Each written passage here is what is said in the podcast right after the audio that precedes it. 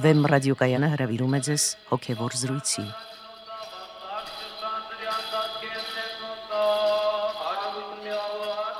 Սիրելի ունկնդիրներ, Վեմ ռադիոկայանի եթերում են արժանապատիվ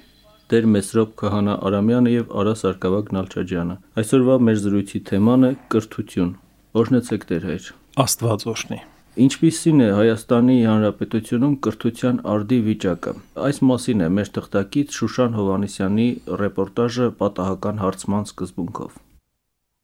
Ձեր կարծիքով ինչպիսին է այսօր կրթության մակարդակը Հայաստանում։ Շատ ցածր։ Ուզում են եվրոպական մակարդակին հասնեն, ընդեղից շուտ նորամուծություններ են ուզում անեն, բայց իմ կարծիքով ավելի հակառակ process-ն է ստեղ ստացվում։ Կրթվելով Հայաստանում մարդ կարող է ին մրցունակ համարել աշխարհի մասշտաբով։ Գիտելիքի տեսանկյունից նայելով, ինչ որտեղ այո, բայց դա ավելի շատ գալիս է մարդուց, տվյալ այդ կրթվողից որը որ փոքրամասնություն են կազմում այսօր Հայաստանում, բայց մեր դիպլոմները այսօրվա դրությամբ ըստ թվում է եվրոպական կամ ամերիկյան ոչ մի երկրներում չի անցնում։ Իսկ Հայաստանում կրթված լինել նշանակում է հաջողության հասնել Հայաստանում։ Մասամբ կարող է քիչ մարդիկ լինեն, որ շատ մեծ կրթության տեր են, մեծ ինտելեկտի, մեծ զարգացվածության տեր են, բայց իրանք չեն կարող իրանց տեղը գտնեն։ Իսկ բարոյականության առումով այսօր կրթությունը ունի բարոյական դաստիարակի դեր։ Ունի կրթությունը այսօր մեր Հայաստանում բարոյական դաստիարակի դեր, բայց ավելի ճիշտ կլներ, որ դպրոցներում ավելի շատ են առարկաները անցնեին, որը որ բարոյահոգեբանական վիճակն է երեխաների բարձրացնում, դրանց էլ ավելի շատ տեղ տային, ոնց որ մյուս առարկաները։ Ձեր կարծիքով ինչպիսին է կրթության մակարդակը Հայաստանում։ Շատ ցածր։ Ինքը սովորում եմ համալսարանում 4-րդ կուրս եմ ու ասենք բարձր գնահատականներով, բայց այդ գիտելիքները չունեմ։ Կրթվելով Հայաստանում մարդ կարող է ին մրցունակ համարել աշխարհի մասշտաբով։ Ոչ։ Իսկ Հայաստանում կրթված լինել նշանակում է հաջողության հասնել Հայաստանում։ Ոչ։ Իսկ այսօր կրթությունը ունի բարոյական դաստիարակի դեր։ Հիմա մեծին հարգել չկա, ինքս դիկյան այդ կրթողին են մարդ չի հարգում։ Հիմնական երիտասարդությունը այտենց է մտածում։ Ձեր կարծիքով ինչպիսին է այսօր կրթության մակարդակը Հայաստանում։ Ըստ երևույթին բարձր մակարդակի վրա է։ Կրթվելով Հայաստանում մարդ կարող է ին մրցունակ համարել աշխարհի մասշտաբով։ Ինչու ոչ, այո։ Իսկ Հայաստանում կրթված լինել նշանակում է հաջողության հասնել Հայաստանում։ Ոչ, որովհետև անկիրթ մարդիկ հիմա ավելի բարձր պաշտոնի են, քան թե կրթված մարդիկ։ Այսօրվա կրթությունը ունի բարոյական դաստիարակի դեր։ Մասամբ, որոշ չափով։ Ձեր կարծիքով ինչպիսին է կրթության մակարդակը Հայաստանում։ Նորմալ իմ կարծիքով։ Կրթվելով Հայաստանում մարդ կարող է իրեն մրցունակ համարել աշխարհի մասշտաբով կան կիրթ երեխաներ, որ սովորում են ու հնարավոր է որ կարող են մրցել աշխարհի մասշտաբով։ Իսկ Հայաստանում կրթված լինել նշանակում է հաջողության հասնել Հայաստանում։ Ոչ այդքան չի գնահատվում, բայց մասամբ հնարավոր է, իհարկե հնարավոր է շատ կիրթ երեխաներ կան, որ հասնում են արդյունքների։ Այսօրվա կրթությունը ունի բարոյական դաստիարակի դեր։ Բաներ կարաս նկատես, որ գեղեցիկ չի, բայց բաներ կարաս նկատես, որ շատ գեղեցիկ է, իհարկե։ Դաստիարակությունը նորմալ է, ընդհանուր առմամբ նորմալ է։ Ձեր կարծիքով ինչպիսին է կրթության մակարդակը Հայաստանում։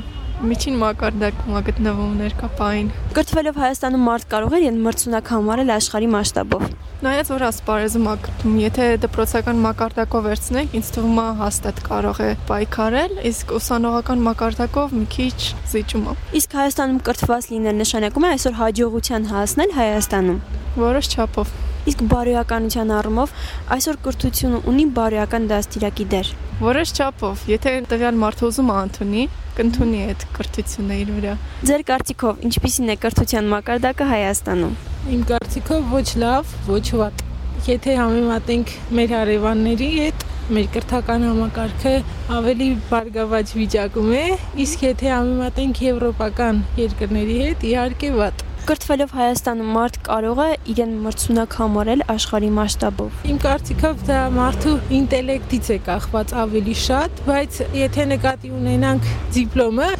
ինչքան շատ երկրներ են ընդունում Երևանի պետական համալսարանի դիպլոմը այսօր դա է պատասխանը։ Իսկ Հայաստանում կրթված լինել նշանակում է այսօր հաջողության հասնել Հայաստանում։ Մի քանի տարի առաջ ոչ, բայց հիմա արդեն այո երևի ավելի արժեքավորվում են մարդու գիտելիքները։ Այսօրվա կրթությունը ունի բարոյական դաստիարակի դեր։ Այո։ Ձեր կարծիքով ինչպիսին է կրթության մակարդակը Հայաստանում։ Համեմատած նախորդ տարիներին շատ բարձր, մեր հանրապետությունում ավելացել են բուհեր։ Իսկ կրթվելով Հայաստանում մարդ կարող է իրեն մրցունակ համարել աշխարհի մասշտաբով։ Այո, իհարկե, ինձ թվում է կապ չունի որտեղ ես ավարտել բուհը, դա կլինի արտասահմանում թե Հայաստանում, եթե դու ուզում ես դառնալ մասնագետ, դու դառնում ես։ Իսկ Հայաստանում կրթված լինել նշանակում է այսօր հաջողության հասնել Հայաստանում։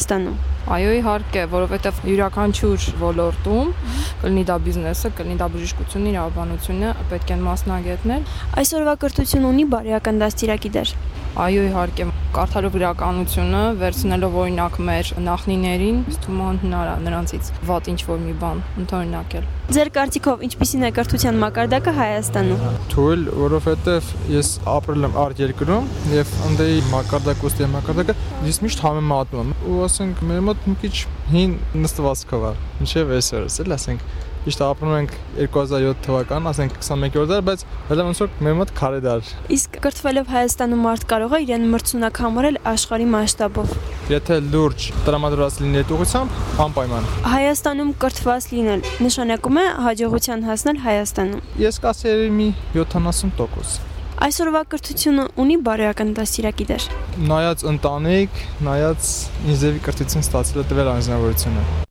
Դեր հայր, եթե ամփոփելու լինենք հարցման արդյունքները, թերևս կարելի ասել, որ կարծիքները զանազանվում են եւ կրթության մակարդակը ոմանք բարձր էին գնահատում Հայաստանում, ոմանք միջին, ոմանք ցածր։ Թերևս առավել հակում կար այն տարբերակին, որ այնուամենայնիվ ցածր է կրթության մակարդակը Հայաստանում։ Իսկ ինչ վերաբերում է աշխարհում մեր կրթական համակարգում կրթված մարդու մրցունակությանը, ապա այստեղ հիմնական շեշտադրումը թերևս կարելի առանձնացնել այն, որ դա կախված է տվյալ մարդուց, նրա ջանքերից, նրա ձգտման մեծությունից այլ ոչ թե հենց բունից կրթական համակարգից։ Եվ եթե մարդը ինքը բուրըն ձգտում ունի, կարող է արդյունքների հասնել եւ մրցունակ լինել աշխարհում որպես մասնագետ։ Սակայն մյուս կողմից նաեւ նշում էր այն հանգամանքը, որ մեր դիպլոմը չի անցնում այլ երկրներում որ նաև կարելի է հաջողության հասնել հենց Հայաստանում լավ կրթվելով այս հարցին պատասխանը հիմնական այն էր որ massամբ դա հնարավոր է եւ հետսհետե ավելի ու ավելի ընդգծվում է այս հանգամանքը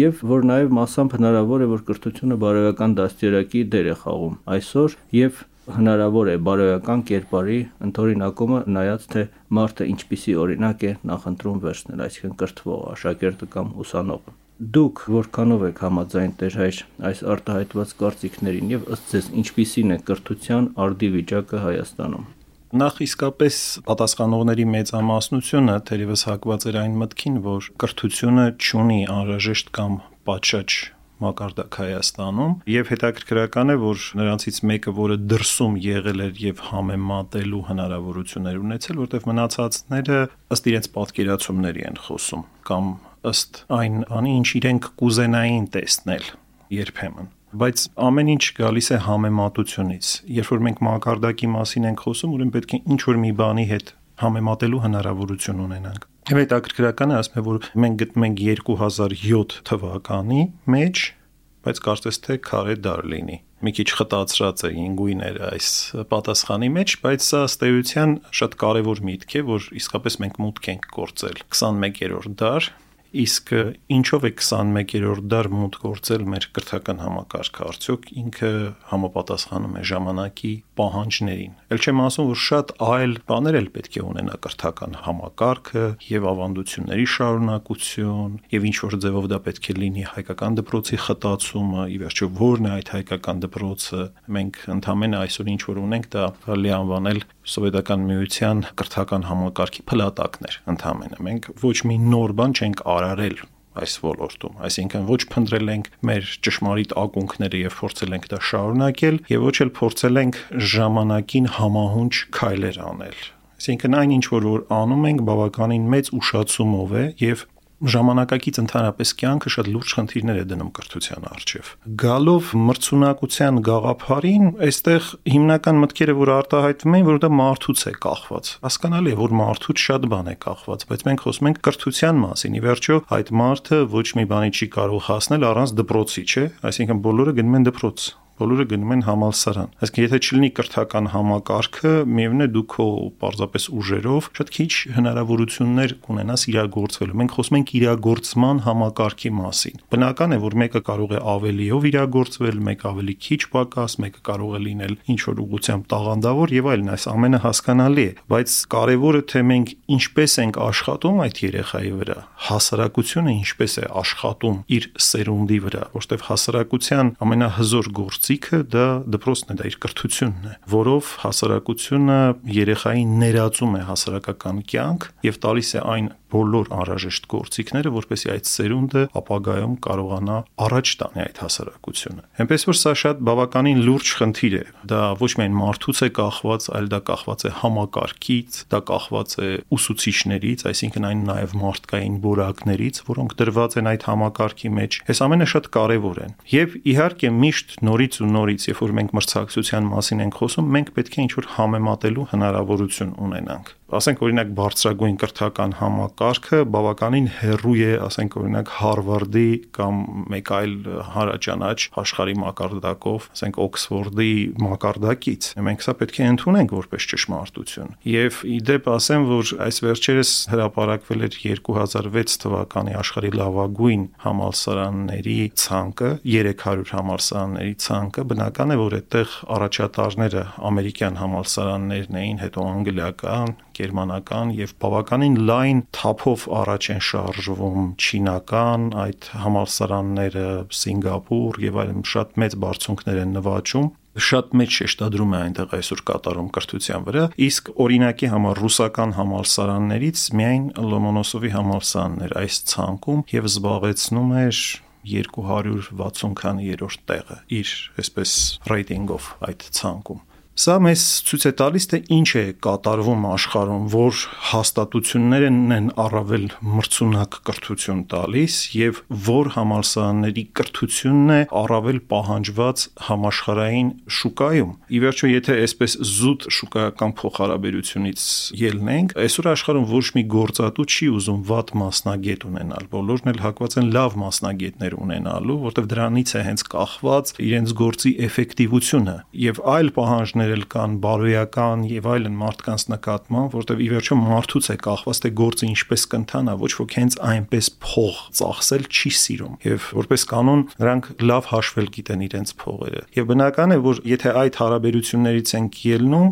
այդ դաշտում արդեն ձևավորված է այս պատկերը։ Իրենք գիտեն, թե որ համալսարանը ինչպիսի մարդիկ է արտադրում, ինչ մասնագետներ է տալիս։ Սա մրցունակության մասին։ Նույն կարծում եմ, որ պեսիմիստական եւ օպտիմիստական, ուրեմն այս խառնուրդով կարծիքները հայտնվեցին, թե արդյոք այսօր Հայաստանում կրթված լինել նշանակում է հաջողակ լինելը։ Եվ մարդիկ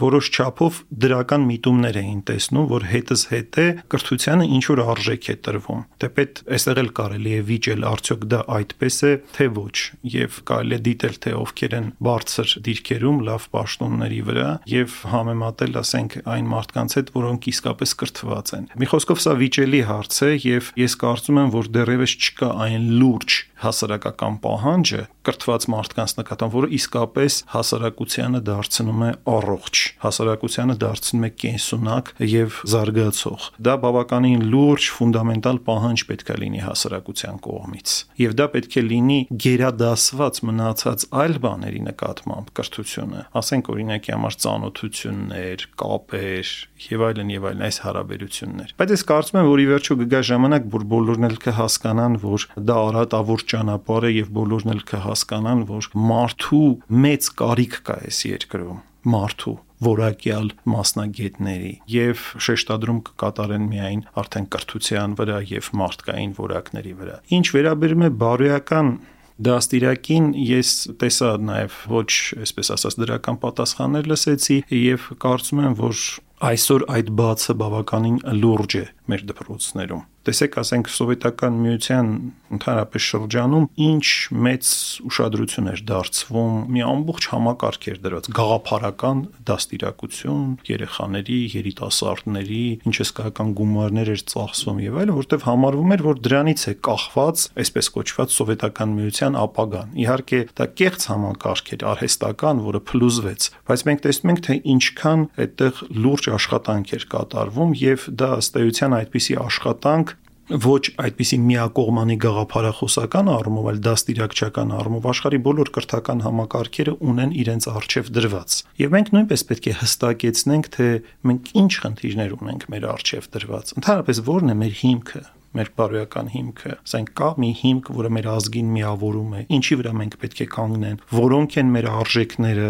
որոնք են մեր ակունքները, եւ ընդհանրապես ասենք ինչպիսի մարդ մենք պետք է ձևավորենք։ Մենք պետք է ըստ էության ունենանք լուրջ տեսլական, թե մենք ինչ ենք ուզում ունենալ։ Իսկապես տարածված կարծիք է դեր, որ կրթությունը համարվում է ազգի հիմքը, ողնաշարը, ոչ թե տնտեսությունը, ոչ թե քաղաքականությունը կամ կյանքի այլ ոլորտներ, այլ հատկապես կրթությունը։ Եվ դուք ասացիք, որ մարդուց է շատ բան կախված։ Հիշենք մեր պատմությունը, Գրիգոր Լուսավորչի հիմնած դպրոցները, այնուհետև Սուրբ Սահակ Մեսրոպյան զույգի հիմնած մի ամբողջ կրթական համակարգ, որը հնարավորություն տվեց մեր ազգին գոյատևելու առ այսօր։ Եվ եթե ասում ենք, որ պետք է, որ մենք առաջընթաց ունենանք այն վիճակից, որ այսօր ունենք, այն ցավալի վիճակից, որ այսօր ունենք, ապա ով պետք է անի այդ գործը։ Այն ժամանակ Սահակն ու Մեսրոպը ելան եւ արեցին։ Ով է այսօր այդ գործը անողը։ Փառք Աստծո, այսօր մենք ունենք պետություն, որը ըստ էության կրում է այդ պատասխանատվությունը եւ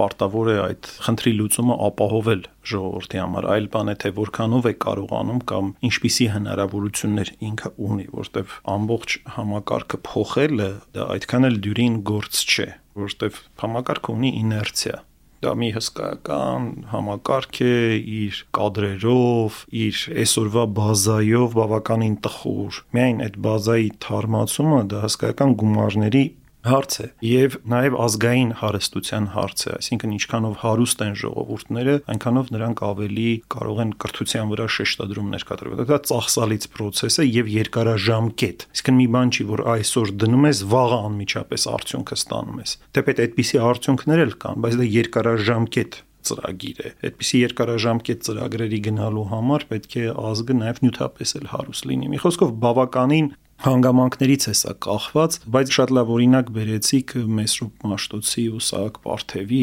օրինակը, որոնք ըստ էության դրեցին հայ դպրության հիմքը։ Այսինքն այդ բոլոր հրաշալի գործերը կատարելուց հետո գրերի գյուտ, թարգմանություն Սուրբ գրքի եւ համաշխարային փիլիսոփայական եւ աստվածաբանական այդ կոթողների թարգմանությունից հետո եւ քարոշչական աշխատանքը կազմակերպելուց հետո Երջե Մեսրոպ Մաշտոցը եկավ այն մտքին, որ առանց դպրոցի հնարավոր չէ այս ամենը պահել մեկ միասնական շարունակական մեխանիզմի մեջ։ Իսկական ֆունդամենտալ լուծումը դպրոցն է եւ ինքը կարողացավ մի կյանքի ընթացքում ամբողջ Հայաստանով մեկ դնել մի դպրոցական համակարգ, կյանքի կոչել եւ ապահովել դրա շարունակականությունը։ Սա էր մեծագույն հաղթանակը մեր սուրբ թարգմանիչների, որ իրենք կարողացան իսկապես ազգային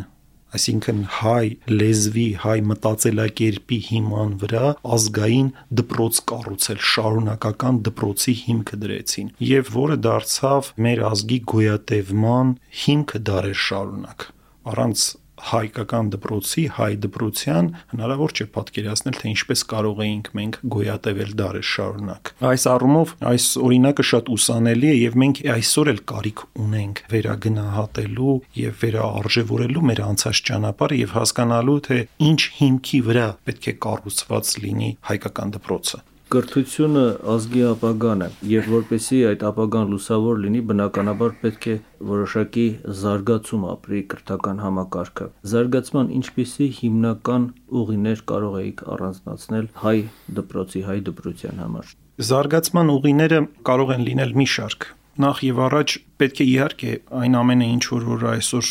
կատարվում է կրթության նախարարության կողմից պետք է դրանք շարունակել, խորացնել եւ լուրջ այդ ամենին բովանդակություն տալ, որտեղ դա ուղղված է ամբողջ համակարգի կազդուրմանը, ինչպես արդեն ասացի, սրանք երբեմն շատ դանդաղ ընթացող process-ներ են, անմիջապես արդյունք չեն տալիս, բայց այդպիսի քայլեր պետք է անպայման պետությունը անի։ Բացի դրանից նաև շատ կարող է լուրջ ազդեցություն ունենալ կրթական համակարգի վրա, այսպես կոչված մոդելային հաստատությունների կյանքի կոչումը այսինքն որոնք կլինեն օրինակելի կրթական միջավայրեր եւ կարող են որոշակի բարերար ազդեցություն ունենալ ամբողջ համակարգի վրա կարող են դառնալ օրինակ եւ նմուշ մնացածների համար։ Հնարավոր է նաև դպրոցներից ներս որոշակի ստեղծագործական պոտենցիալը խթանող ծրագրերի իրականացում, այսինքն որոշակի ծրագրերի իրականացում դպրոցում, որոնց շուրջ հնարավոր կլինի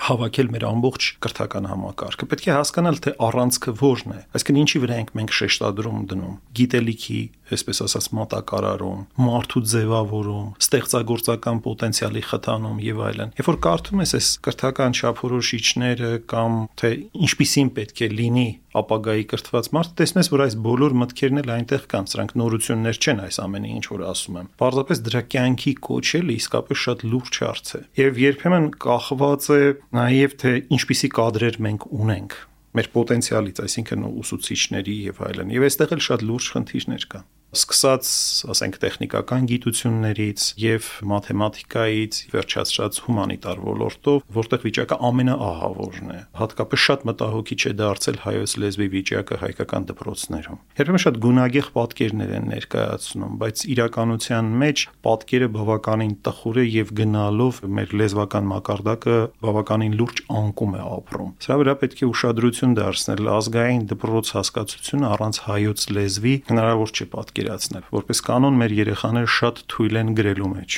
խոսելու եւ արտահայտվելու մեջ եւ սա բավականին լուրջ կաշկանդում է մցնում նրանց հետագա ամբողջ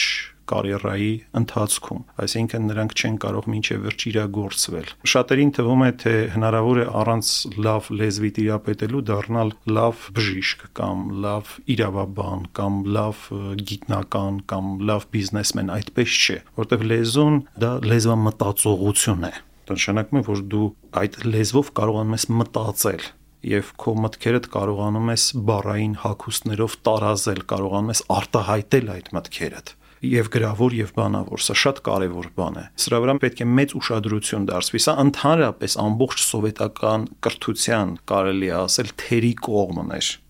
հումանիտար առարկաների դասավանդումը շատ թերի է եղել։ Այսօր լավագույն ամերիկյան, ասենք, դպրոցներում երեխան օրական մինչև 20 էջ գրավոր աշխատանք է կատարում ամեն դպրոց ունի իր գրական ակումբները, համայնքները ունեն իրենց գրական ակումբները, ունեն զանազան գրական քննարկումների ակումբներ, հազար ու մի տեսակ մրցանակներ, գրական եւ այլն, եւ համայնքային եւ ընդհանրապես համազգային եւ այլն եւ այլն։ Այսինքն այնտեղ իսկապես շեշտադրում է կատարվում հենց մարդու արտահայտվելու այդ խնդրի վրա, որպեսի մարդը կարողանա անկաշկանդ կերպով արտահայտվել, անկախ նրանից թե ինքը ինչքանով է տաղանդավոր կամ ոչ այդքան տաղանդավոր։ Էպես որ բազմաթիվ խնդիրներ կան, կարող եմ ասել, որ օրինակ ֆիզիկա առարկայի վիճակը բավականին ծանր է, այսօր դա մեր ուսումնասիրություններն են ցույց տալիս, քիմիա առարկայի վիճակը, շատ-շատ խնդիրներ ունենք մենք անելիք եւ պետք է ամեն ինչի դեմը ինչ որ ձևով առնել։ Մեր հարցման մասնակիցներից մեկը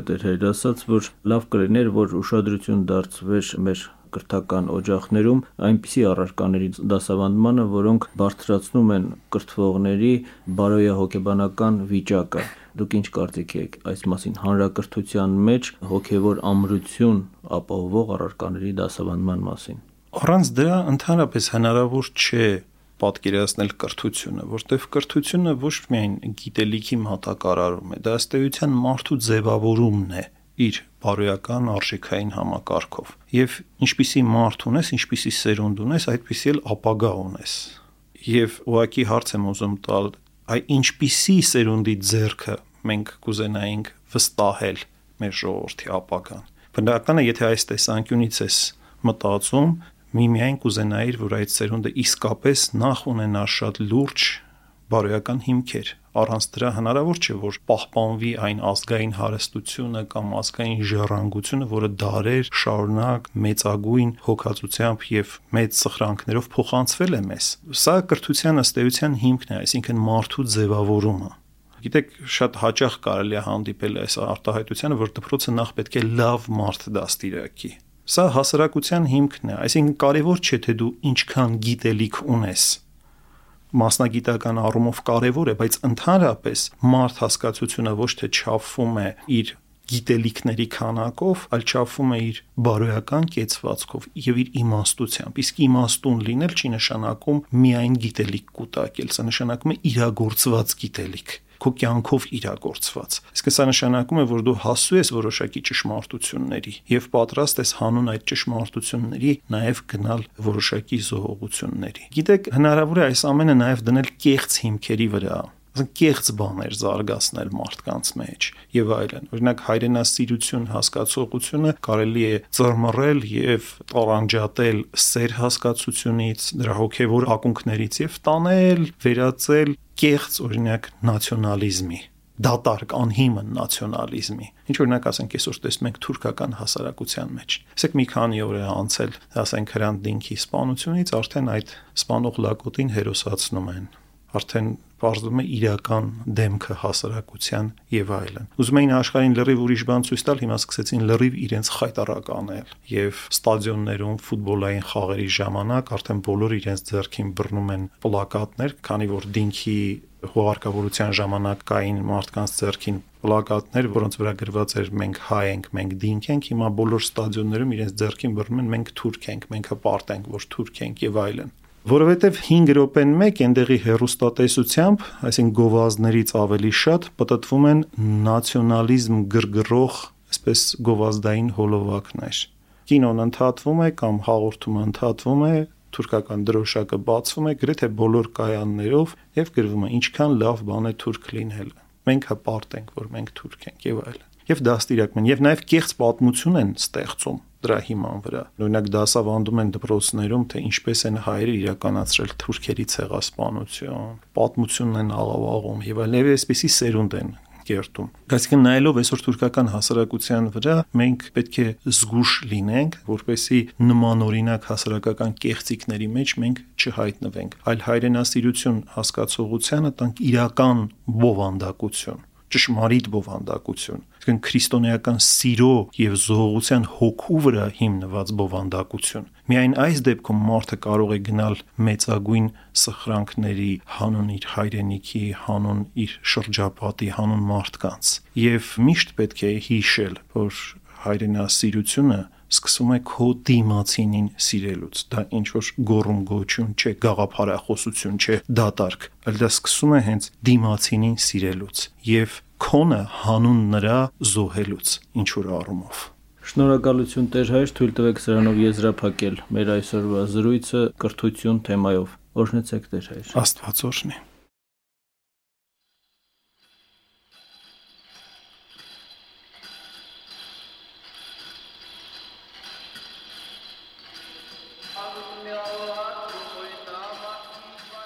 Հոգևոր զրույցներ հաղորդաշարի հերթական հաղորդումը վարեց Արաս Սարգսակ Նալչաջյանը։